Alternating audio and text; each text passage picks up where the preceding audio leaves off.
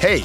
Vad kul att du valt att lyssna på ett nytt avsnitt av podden Miller möter ledare. Faktiskt säsong 7 är det som vi drar igång nu och jag heter ju Andreas Miller och är ordförande för Ledarna, Sveriges chefsorganisation. Vi har mer än 95 000 chefer som har valt att vara med i Ledarna och vi växer. Om du inte är medlem och vill bli en av oss så gå in på ledarna.se och läs mer om vad vi erbjuder. Ja, i den här podden så vill jag ju träffa ledare som på olika sätt gör skillnad och engagerade, inte bara i sitt företag utan också ser företagets roll i ett större samhälleligt perspektiv. Och som sagt då, vi kickstartar säsong 7 med Jenny Jonsson, framtidens kvinnliga ledare 2022, som alltså ledarna utser. Jenny, VD för Byggvästa samt social entreprenör i projektet Jalla Rinkeby, ett socialt projekt för kvinnor som befinner sig långt från arbetsmarknaden. Välkommen till podden Jenny. Tack så jättemycket. Ja, kul att ha dig här. Väldigt roligt att vara Du, när du klev in här så sa du att det är lite bistra tider. Ja, ja. stämmer. Hur är det? Det är svårt. Eh, det gäller liksom att tänka nytt, hålla upp energin och försöka hitta nya lösningar i marknaden som den är idag. Mm. Räntan stiger. Ja. Elpriserna stiger. Mm. Hyrorna hänger inte med sa du. Exakt. Ja. Så är det. Sover du gott eller hur är det? Jag sover gott men jag har haft mina utmaningar med sömn, det kan man säga, eh, för några år sedan. Så det har man fått lära sig att hur stänger man av jobbet ja. Eh, när man har stressiga situationer så att man eh, ja, orkar vila upp sig och har en privatliv och annat också. Mm. Så det, det klarar jag av idag faktiskt. Men det har hur, hur gjorde du det då? Hur, hur fick du dig att hitta tillbaka till sömnen? Eh, man fick jobba väldigt aktivt med det. Alltså jobba med coachning och olika terapier och uh, prata med uh, kompisar och sånt om, mm. om saker. Och försöka förstå alltså, vad är det som stressar upp mig? Vad har jag för förväntningar på mig själv? Mm. Är det rimliga förväntningar som jag har på mig själv? Mm. Och oftast är det inte rimligt. Oftast är det situationer som du gör det bästa som du kan. Du kan inte mm. påverka så mycket mer. Mm. Och då, då kanske det inte är värt att uh, tappa din sömn över det. Och då mm. får man hitta sätt att ja, skriva ner saker om man vaknar upp eller lyssna till någon meditation eller så. Mm. Och um, det tar tid och när man har hittat sina verktyg som funkar då förhoppningsvis uh, behöver du inte stå ut med sånt mm. längre. Vad schysst att du berättar det här för jag tror att det kan, här kan vara ganska många chefer och ledare som, som hamnar i det här men liksom inte riktigt vill prata om det. Mm. Jag tycker det är jätteviktigt att prata om. Eh, speciellt när man pratar om liksom, unga kvinnor som kanske kommer in i chefsroller. Att det är inte bara enkelt eh, att göra det. Man oftast kommer dit för att man har hög drivkraft, eh, man vill prestera mm. och eh, man vill kanske prestera inte bara på jobbet men i alla andra delar av sitt liv. Och om man då ska stanna i en chefsroll och orka mm. över lång tid som vi ser att många kvinnor inte gör i chefsroller. Så måste man börja prata om det och öppna upp och visa ja, att man är bara en människa. Mm. Ja, du, jobbade ju, du jobbade ju i konsultbranschen i USA ja. innan du kom till Sverige och blev så småningom vd för Byggvästa. Uh, hur var mentaliteten där runt de frågorna i konsultbranschen? Uh, det var faktiskt ganska tufft. Um, där är det inte lika mycket arbetsskydd eller så. så att, um, det var många som blev uppsagda, även som jag tyckte var jätteduktiga. Uh, så det var liksom en del av kulturen att uh, om man inte levererade uh, ganska konstant um, så var man rädd för sitt eget arbete och så. Um, mm. Så det var en, en, en konstigt, eller en svår kultur. Mm. Men samtidigt så hade jag i alla fall i min organisation en kvinnlig VD. Mm. Eh, som då blev också globalt VD för det här konsultföretaget. Och då hade jag någon som jag kunde se upp till. Hon hade små barn eh, och hon hade ett privatliv. Så det hjälpte mig väldigt mycket att kunna hitta någon som jag ja, fick känna igen mig i. Um, för att en orka. förebild. En förebild, mm. exakt. Du, du har jobbat för jämställdhet i en ganska traditionell bransch, fastighets och byggbranschen som du är i, mest i fastighet men också i bygg. Eh, om det och mycket annat ska vi ju snacka idag. Och i, I maj år då så blev du ju vald i hård konkurrens till framtidens kvinnliga ledare och toppade den listan med 75 unga kvinnor som är chefer som ledarna tar fram varje år. Vi ska börja med att höra på juryns motivering. Den låter så här. Årets vinnare har nått framgång i en traditionsfylld bransch. Hon arbetar både för integration och hållbara bostäder i utsatta områden, vilket visar på ett stort socialt engagemang. Vinnaren lyckas ta det bästa från sina år som managementkonsult i USA till fastighets och byggbranschen i Sverige. Genom projektet Jalla Rinkeby hjälper hon kvinnor som befinner sig långt från arbetsmarknaden att etablera sig i samhället. Hon är mångkulturell i sitt ledarskap och bakgrund och allt detta samlat ger Jenny Jonsson en första placering bland framtidens kvinnliga ledare 2022. Eh, Jenny, hörde vi motiveringen här. Hur, hur kändes det att få den högsta placeringen på listan över framtidens kvinnliga ledare? Eh, ganska surrealistiskt skulle jag säga. Jag tror att det är svårt att ta till sig sånt. Eh, och det är fortfarande svårt idag att eh, riktigt förstå att man har vunnit det här priset. Det är jätte, jätteroligt men det, det är faktiskt svårt att ta till sig. Och, ehm, för att det, Varför är det det? Jag tror att man, jag ser så många andra kvinnor runt mig som är så underbara, som inspirerar mig. Eh, och många av dem var på listan också. Så för mig så var det, det var svårt att tro att jag skulle vinna det här över till exempel min kompis som jag ser som en förebild. Um, så det var mer den, att, så här, ja, att um, det finns så många kvinnor och vi gör så många olika saker för samhället och utvecklingen och så. En sak var ju din reaktion då, eh, men hur har du fått reaktioner utifrån? Vad har folk sagt till dig? Eh, såklart många gratulationer men eh, det roligaste skulle jag säga faktiskt är att många kvinnor hör av sig. Mm. Eh, och kvinnor i olika branscher. Ehm, och ehm, det är kanske det roligaste för mig. Att man får höra att man inspirerar och sen kanske att man man får ta en lunch med någon som man annars skulle aldrig haft kontakt med. Um, och sen märker jag även, och jag vet inte om det är på grund av det här priset, men jag märker faktiskt att när vi uh, rekryterar nya roller så är det uh, mycket mer än 50% kvinnor som kommer på intervjus. Um, så du märker en förändring där? Ja. ja. Uh, du nätverkar och du får bättre sökande? Ja, exakt. Ja, vad, vilken kul effekt! Ja, jätteroligt. Ja. Du du är född och uppvuxen i Seattle i USA med en svensk pappa och en amerikansk mamma. Och du har engelska som modersmål. Mm. Um, hur har, hur, när kom du till Sverige? Uh, för fem år sedan nu. Ja. Uh, hur har det varit att liksom kliva, för att du är verkligen, som jag uppfattar dig, du har verkligen dina rötter i USA. Mm. Liksom. Och hur var det att kliva in i den svenska kontexten och det svenska språket och svenska kulturen? Och... Ja, det har varit utmanande. Det kan jag säga. att eh, Både roligt men också utmanande. Um, jag, uh, när jag var barn och uppvuxen ja, nästan helt i USA då, så um, har jag alltid tänkt att jag var liksom 50% svensk och det här har varit en stolthet för mig.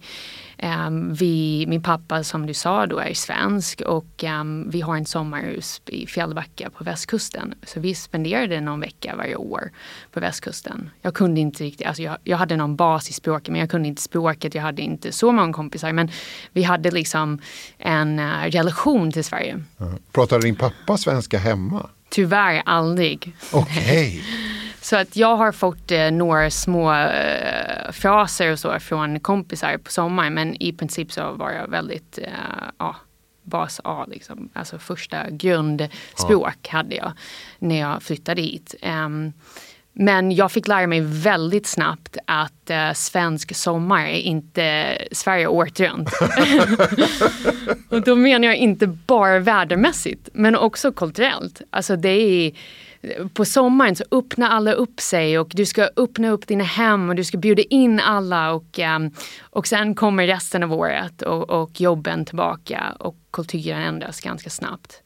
Så den, eh, jag fick lära mig snabbt att min 50-50 liksom svensk-amerikansk som jag trodde då var kanske mer 90-10. Eh, jag var väldigt, väldigt, väldigt mycket amerikansk. Uh, och det har tagit tid att lära sig vad den svenska kulturen egentligen innebär. För svenskar berättar inte riktigt att det finns en stark kultur. Men det finns det och, och då får man ta du, sin du, tid. Vad är den för dig då när du kommer utifrån? När du, ska, när du ser den där svenska kulturen, vad är det? Uh, såklart det starkaste är jantelagen. Och det är extremt starkt. Uh, Man blir och, nästan lite ledsen när du säger det. Men det behöver inte vara så dåligt heller. Nej. Men det är så att om man jämför USA och Sverige, då jämför du två helt olika länder. Du har jantelagen i grunden av kulturen i Sverige och sen i USA så är det more is more. Du ska vara din egen individ, du ska ta plats och så vidare. Um, och, och, då är det väl, i basen väldigt, väldigt olika kulturer. Hur ska du till exempel vara ledare i den kulturen? Hur ska du få kompisar i den kulturen? Och så vidare. så vidare. Hur ska du lära dig språket också? Eh, till exempel. Mm.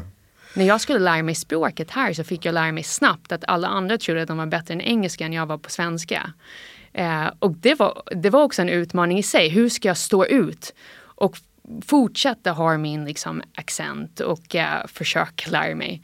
För de ville prata engelska med dig? Exakt. Ja, och du ville lära dig svenska? Ja. ja. Jag vill lära mig svenska och jag tyckte att oh, det var så tråkigt att folk behövde säga att jag hade liksom en uttalande eller att jag ja. inte var perfekt. Nej, nej. Uh. Du, om vi, det är intressant det här för du börjar prata om ledarskap. Man, mm. liksom det här, och de här kulturerna då. Om du skulle jämföra, liksom, eller det här, det svenska ledarskapet och amerikanska ledarskapet, vad, vad, vad har du tagit med dig av respektive i, i, mm. i Jennys, ditt eget ledarskap? Är det en mix eller hur ser det ut? Idag försöker jag, min målsättning är att vara 50-50. Ja. Och det är inte bara i ledarskapet men i alla delar av mitt liv. Alltså det är mitt högsta målsättning idag. Om någon säger till mig att oj du har blivit så svensk då går jag hem och måste fundera över varför jag har blivit så svensk. Varför fick jag den där reaktionen? För jag vill inte, jag, jag vill gärna att mitt ledarskap och jag är det här 50-50 och att man lär sig det bästa av båda och att man tar till sig det ja, bästa om vi skulle börja, Vad är det bästa med det amerikanska? Eh, jag älskar att folk vågar. Vågar ta plats och vågar vara stolt. Och våga stå för vad de tycker. Um, och det också kommer med mycket energi. Eh, och, um, och den tror jag att jag försöker behålla även när man kommer in i den svenska kulturen som kanske inte alltid eh, ja, att man kanske inte alltid vågar vara lika stolt och stort och så vidare. Då har vi den våga-grejen. Vad kommer, mm. Om det svenska ledarskapet, vad är, det du vill, vad är det du vill lyfta där? Ja, eh, det är ödmjukheten. Det är att blanda in alla. Det är att respektera andra. Alltså båda mm, hur mycket de jobbar och deras privatliv. Alltså se dem som människor. Och också då att, att oftast fattar du mycket bättre beslut när du blandar in andra. Um, så att eh, jag försöker då blanda in så många som jag kan, vara en liksom, riktig människa i min ledarskap men ändå våga vara mig själv i allt jag gör. Skulle man kunna säga så här att du har skippat det hierarkiska i det amerikanska ledarskapet men eh, så att säga wow-känslan i det amerikanska ledarskapet är kvar. Och här är det mer det empatiska ledarskapet som du vill kombinera med wow-ledarskapet. Nu, ja, nu, det är målsättningen. Det är målsättningen. Ja, absolut. ja. Eh, men det, det där att vara wow och samtidigt ödmjuk, hur, mm. hur balanserar man det där? Då? Mm. Alltså, jag tror mycket av det här wow handlar om att inspirera. Även när vi pratade i början här, att nu till exempel, det är en ganska tuff marknad. Mm. Hur ska man då se människorna, alltså vad, de, vad, vad, vad har vi som bolag som ut, för utmaningen? Vad har du privat för utmaningar? Vad innebär det för din stressnivå? Att man ser de människorna bakom och att jag sitter och lyssnar. Vad har ni för idéer? Hur skulle vi kunna göra det här bättre? Men sen att man vågar då också vara ledaren som inspirerar och sätter liksom en tonalitet till vart vi ska. Mm. Mm. Och det där är du precis mitt inne i nu? Ja. Mm. Du, när du kom till Byggvästa då, eh, det här är ett fastighetsbolag men ni, liksom, ni, egentligen, ni beställer väl fastigheter som ni vill se byggda och ni är liksom projekterade där och sen är det ja. andra som kommer in och bygger om jag förstår sak, Exakt. saken rätt. Och sen förvaltar vi och äger också. Mm. Du, när du kom så ville du liksom införa en ny företagskultur och ett nytt tankesätt i Byggvästas olika bolag. Vad, vad, vad innebar det där vad, och hur påverkade det företaget? Mm. Jag skulle inte säga ny. Eh, för att jag försökte bygga på mm. de delarna som jag tyckte funkade. Mm. Um, Men om du ville utveckla det då eller ja. förädla det, vad var det du ville göra? Alltså det var några konkreta saker som jag ville skulle bort och några saker som jag ville stärka upp då. Och då gällde det att jobba med båda dem parallellt. Um, en sak till exempel var att jag försökte få ihop bolaget. Som du beskrev då så har vi olika ben och det har många olika industrier. Att man har, eh, vi har till exempel utvecklingsbenet eller vi ser över bygget och sen har vi förvaltningen och sen har vi ägandet då. Och det är helt naturligt att man har olika motiveringar i sina olika avdelningar. En är kanske till exempel eh, kostnader, att projektet ska faktiskt gå ihop. Och sen när man kommer till förvaltning så är det kanske kunden. Man vill ha bättre produkter, det ska vara enklare att drifta och så vidare. Och sen har man långsiktig, alltså den långsiktigheten i vad vill jag äga över tid. Och där var, såg jag att det fanns um, problem mellan avdelningar. Man kanske fick, det var en känsla i att jag fick någonting som jag inte vill ha och de har inte lyssnat till mig. Och, så den fick jag jobba väldigt mycket med. Och och eh, hur man jobbade med den var att okej, okay, att vi sitter ner, vi diskuterar vad har vi för, ut, vad har vi för problem i vår kultur idag? Vad är det som funkar? Och sen försöka jobba som jag sa, både parallellt, alltså lyfta den som är positiv och sen brainstorma, hur kan vi jobba vidare på den? Och sen sätta ord på det. Så vi kallar det för ett big, alltså till exempel om jag bara tar liksom en konkret exempel. Nu ska vi få ihop bolaget. Ja men då är det upp till ledaren att säkerställa att det finns transparens. Att alla förstår, okej, okay, men vad är bolagets högsta målsättning? Vad är inte min avdelnings målsättning? Vad är bolagets högsta målsättning? Hur kan jag blanda ihop det i mina beslut? Och hur kan vi säkerställa att även de som jobbar mot kunden kommer in i ett tidigt skede för att förbättra produkten men också förstår varför man har gjort, eh, varför man har tagit vissa beslut. Um, så det var en sån där konkret som jag fick jobba med i början. Mm. Du ville helt enkelt vara väldigt tydlig med vad är vår gemensamma vision? Ja. Trots att vi är tre, eller ett antal olika bolag. Exakt. Men du, när man tittar på er hemsida så vill ni ju ge en bild av att ni är ett fastighetsföretag och byggföretag som vill skapa mer än bara bostäder. Eh, utan ni talar om ett levande socialt sammanhang. Va, eh, är det där bara för att skapa en image eller Eh, vad betyder det för er? Nej, det, det är vår, alltså först ska man säga att vi är familjeföretag. Så mm. det är långsiktighet liksom i definitionen. Mm. Och om man tänker på varför ska familjen äga ett bolag i Sverige? Mm. eh, mina syskon, du vet, de har inte bott här så, så många år. Så vidare. Alltså vi har vårt liv i USA. Då, är det, alltså då ska man äga ett bolag som man är stolt över som när sina barn och barnbarn kommer att man säger wow, vi har gjort någonting bättre för samhället. Um, och det är inte bara för att det är feel good, det kan jag inte säga. Det är affärsmässigt. Om man tänker som ett fastighetsägare eller som en privatägare av ditt hus, alltså alla kan relatera till det här. Så vill du säkerställa att det är bättre trygghet, att det är eh, alla de utmaningar som finns i området förbättras mm. om du bryr dig om till exempel ditt eget fastighetsvärde över tid. Dina kostnader, din omsättning, eh, finns det vakans. Då måste du säkerställa att hela området blir det bästa det kan. Då har man inte så mycket intresse av att bygga ett hus och försvinna därifrån. För du kommer inte kunna påverka ditt eget fastighetsvärde. Så du måste ta helhetsgreppet. Så det båda är roligt, känns bra, men det är affärsmässigt. Mm. För det är helt enkelt så, du vill att folk ska uppleva det område där era fastigheter är. Det ska vara bra att leva där och ja. då stiger också värdet på din fastighet. Så det, det, är liksom, det finns ett, ett affärsmässigt intresse i detta. Du, eh, Jalla Rinkeby är ett socialt projekt för kvinnor som befinner sig långt ifrån arbetsmarknaden som ni jobbar med. Eh, hur går det med det där projektet?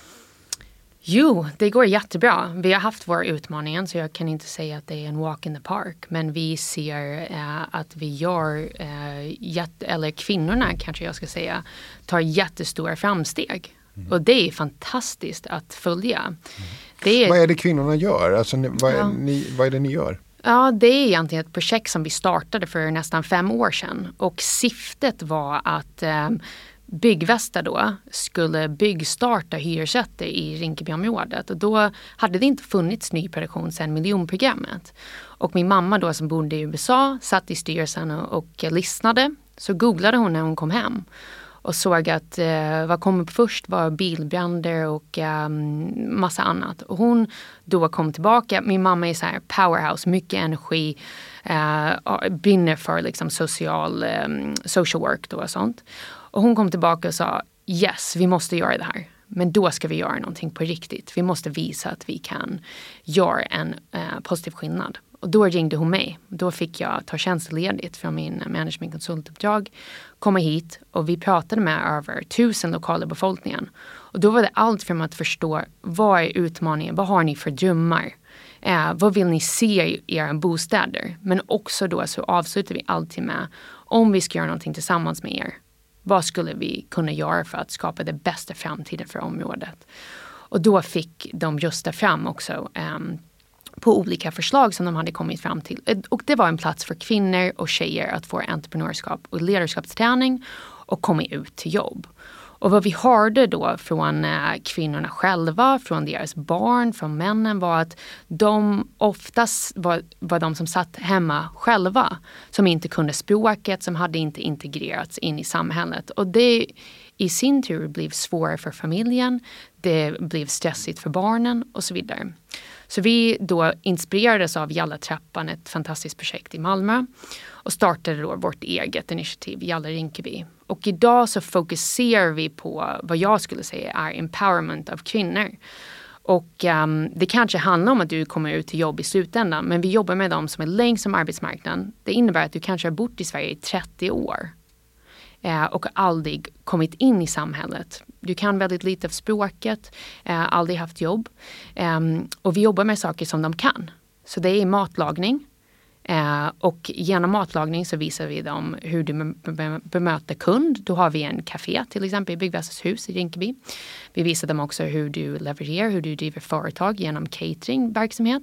Också hur du gör det hållbart. Vi har odlingslotterna. Hur kan du också lära ut till dina barn och grannar varför hållbarheten är viktigt, varför nyttig mat är viktigt.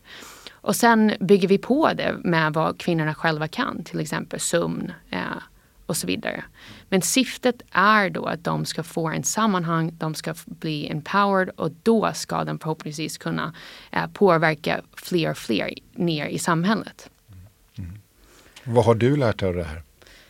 Uh, jag inspireras varje dag av dem. Um, att att man, man måste förstå människorna och deras utmaningar. Och det är inte bara att tro att de kan komma hit och uh, lära sig svenska och skaffa jobb till exempel. Många av dem har, de kan inte läsa och skriva. Då måste man anpassa systemet för att de ska ha en chans att komma in. Och även om de inte själva kan komma ut i jobb, om de integreras så kommer deras barn mest sannolikt kunna komma ut i jobb. Uh, så det, det gäller att satsa på alla människor och förstå faktiskt vart de är idag och och vart de har kommit ifrån. Eh, spännande. Eh, vi har ju eh, en vinnare som ju var före dig var ju Helja Riasat som jobbar ja. på Järvaskolan och som är rektor och som ju också jobbar med just det här att få människor att verkligen komma in i samhället och få en utbildning och komma vidare i livet. Du, en av ledarnas branschföreningar heter Byggcheferna. Mm. Eh, de har under många år jobbat med att förändra kulturen inom byggsektorn. De jobbar ihop med andra fack, de jobbar ihop med arbetsgivarorganisationer och sådär.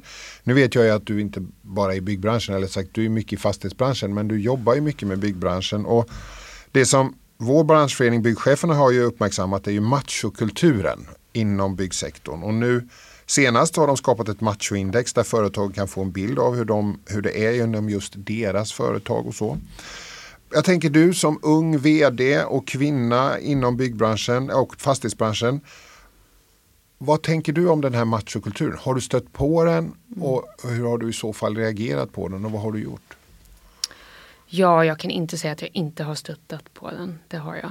Mm. Um, och det är inte bara i byggbranschen, det är i olika sammanhang. Um, men jag såg även att i vårt företag när jag först kom in, även om det fanns eh, grunden och värderingar var jättefina, så såg jag att det fanns, eh, det var lite mer mansdominerat och macho, machokulturen då. Mm. Och jag tycker det är bra att man sätter ord på det också. Att, eh, vi fick till exempel jobba väldigt mycket med, okej okay, men vad, vad innebär det här? Vad är problemet? Vi fick göra intervjuer med anställda som upplevde det här som var helt anonymt. Eh, och sen fick man eh, vara väldigt öppen, transparent och följa upp med det. För att man kan inte ta ansvaret själv. Alltså det blir väldigt konstigt om en ledare eller en chef ska ändra en kultur. Eller det måste vara så att du vågar säga om du upplever någonting som machokulturen. Att du kanske till och med kommer till en plats att du vågar säga till den som du upplever har kanske inte bemött dig med respekt. Så vi fick jobba med, okej, okay, vad behöver du? V vad kan vi göra för att ändra vår egen kultur? Det är en sak. Men den andra saken är kanske när vår projektledare går ut på ett byggprojekt och mm. det är ett annat företag mm. som har en annan kultur. Och där kan vi sätta förväntningar på våra samarbetspartners. Vi kan skriva avtal, vi kan göra allt. Men vi kan inte vara där på plats och eh, säkerställa att de gör allt på en daglig basis. Det innebär att vår projektledare, och där har vi många kvinnliga projektledare, att de har verktygen att okej, okay, vad ska jag göra i en sån här situation? Vad är okej okay och vad är inte okej? Okay? och, och när de vet att mitt bolag står inte upp för det här. Jag vet att om jag säger åt så kommer alla i mitt bolag stå bakom mig. Då kanske de vågar säga ifrån. Och om de vågar säga ifrån så kan man göra jättestor skillnad ganska snabbt. Annars måste vi komma in och stötta och det gör man också gärna. Men så förändringen blir mindre. Så det du pratar om egentligen är att du vill så att säga, skapa en medvetenhet om de här frågorna hos alla medarbetare. Ja. Så, att säga. så att när frågan uppstår så ska man reagera där och då. Exakt. Och inte gå till chefen först utan faktiskt skapa en gemensam bild av vad står vi för ja. och stå upp för den. Exakt, mm. och att du vet att vi kommer stötta dig i allt. Mm. Eh, speciellt. Tycker du att det har blivit bättre? Jag gör det faktiskt. Jag tycker att det har blivit bättre. Vi ser att i vårt bolag så finns det, jag skulle kunna säga att det finns absolut inte kvar. Vi har inte alls den frågan kvar i medarbetarundersökning längre för att den fick eh, noll år varje år, att det fanns en machokultur. Men jag ser också att mindre och mindre projektledare kommer och säger att de upplever någonting. Det händer då och då. Men om de kan ta det själv så, så har de fått den där, um, då vet våra samarbetspartners och annat, det där accepterar inte vi. Och då måste de förändras. Just det. Du, inledningsvis så pratade vi ju om, du pratade om en kvinna som var vd i det konsultbolag du jobbade i USA, som lyfte du henne som en förebild och så. Har du några andra sådana där bild, förebilder av chefer som du har mött? Mm. Jag känner att folk säkert alltid hatar när jag svarar på den här frågan för jag har liksom ingen uh, känd förebild.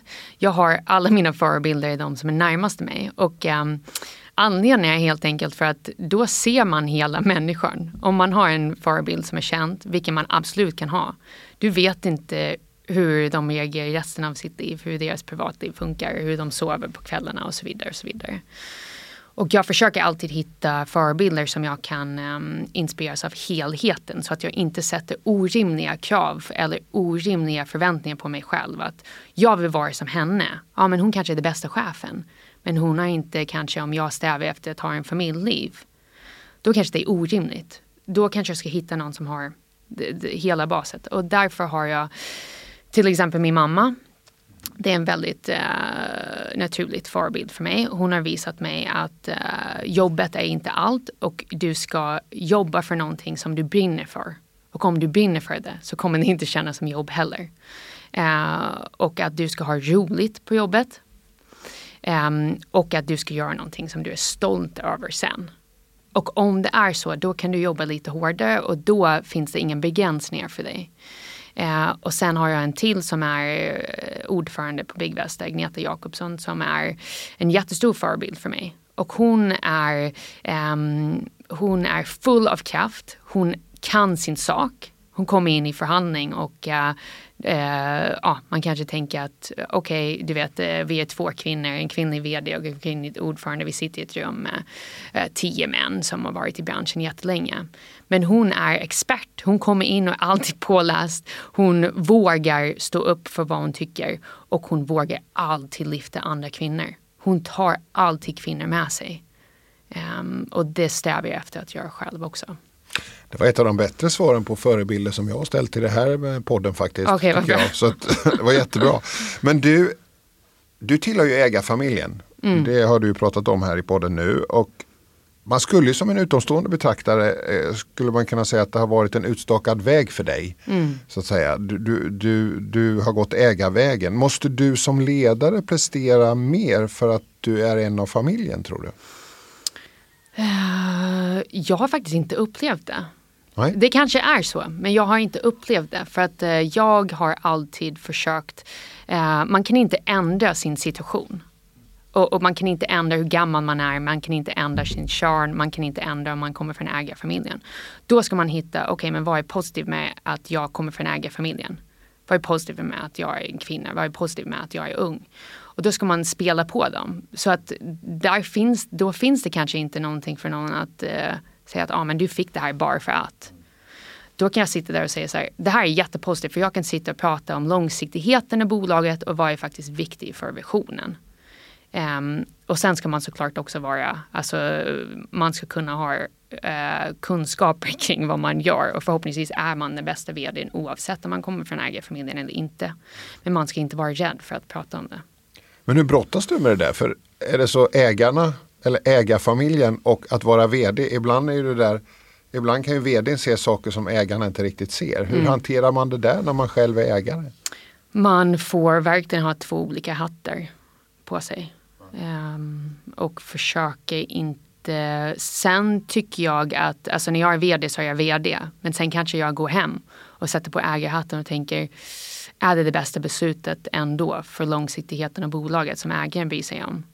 Då kanske jag kan svara på mitt eget fråga och, uh, och ändra på mitt förslag. Så Jenny Jonsson har dialog med ägaren Jenny Jonsson ja. som har dialog med vdn Jenny Jonsson. Ja, jag förstår. Du, vi ska alldeles strax avrunda den här podden. Eh, väldigt kul att snacka med dig och prata med dig. Och du och jag ska ju också ut på vinnarturné.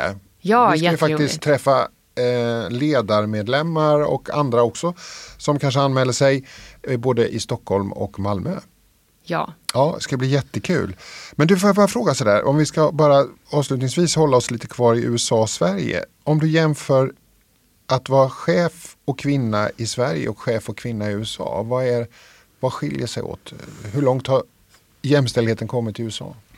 Uh, det är en svår fråga men jag läste faktiskt en Albright som visade att USA var lite uh, alltså bättre Mm. Allbright, du menar institutet? Ja, ja, exakt. Lite bättre faktiskt på, och då menar jag, då hade de bara mätit för sig äh, kvinnor i det högsta ledande rollen mm. på börs, mm. de största börsbolagen. Um, vilken jag tyckte var intressant. Jag tycker att Sverige har kommit väldigt långt och har ett system som egentligen um, kanske inte funkar 100% för att behålla kvinnor. Men, men du har förutsättningar i alla fall om du har barn att till exempel ta mammaledigt, pappaledigt, du har förskola som är betalats för och så vidare. I USA det, det kanske känns som du har inte alla de grejerna. Men samtidigt så har du kanske en lön som gör att du kan betala din förskola om du vill prata om de högsta chefsroller. Eh, och sen har du också det här med att bolagen i USA, oftast kollar vi på USA och tänker att de har ingen semester och de har ingen föräldraledighet. Det är inte sanningen, alltså för att du måste kolla på varje bolag. I USA tar bolagen ansvaren. Så att bolaget kan konkurrera för kvinnor genom att erbjuda föräldraledighet och eh, annat då. Så att eh, jag tror att det är svårt att jämföra men jag tror att båda fortfarande har långt att gå när det kommer till att behålla kvinnor och säkerställa att de väljer att fortsätta um, även när de kommer till de här mellanchefsrollerna som det är då vi oftast tappar mm. finnarna. Jenny Jonsson, vd på Byggvästa. Vi ska alldeles avrunda, men i den här podden så brukar jag ge möjlighet för den som gästar att ge ett råd. Om, om vi säger så här, man är ung kvinna och på väg in i ett chefsuppdrag. Vad, är de, vad skulle du vilja ge en ung kvinna för råd då? Mm. Har rätt förvänt förväntningar på dig själv. Um, sätt inte kraven för högt.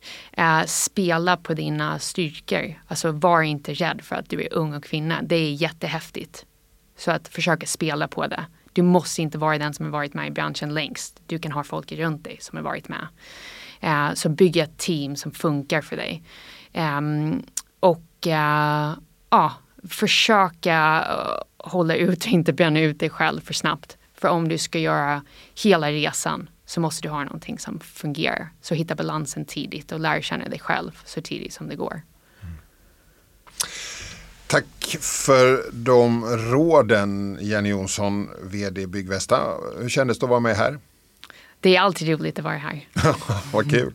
Tack för att du var med i Mille möter ledare. Och eh, tack till dig som lyssnade. Håll öron och ögon öppna så snart kommer en ny podd där poddar finns. Tack för idag.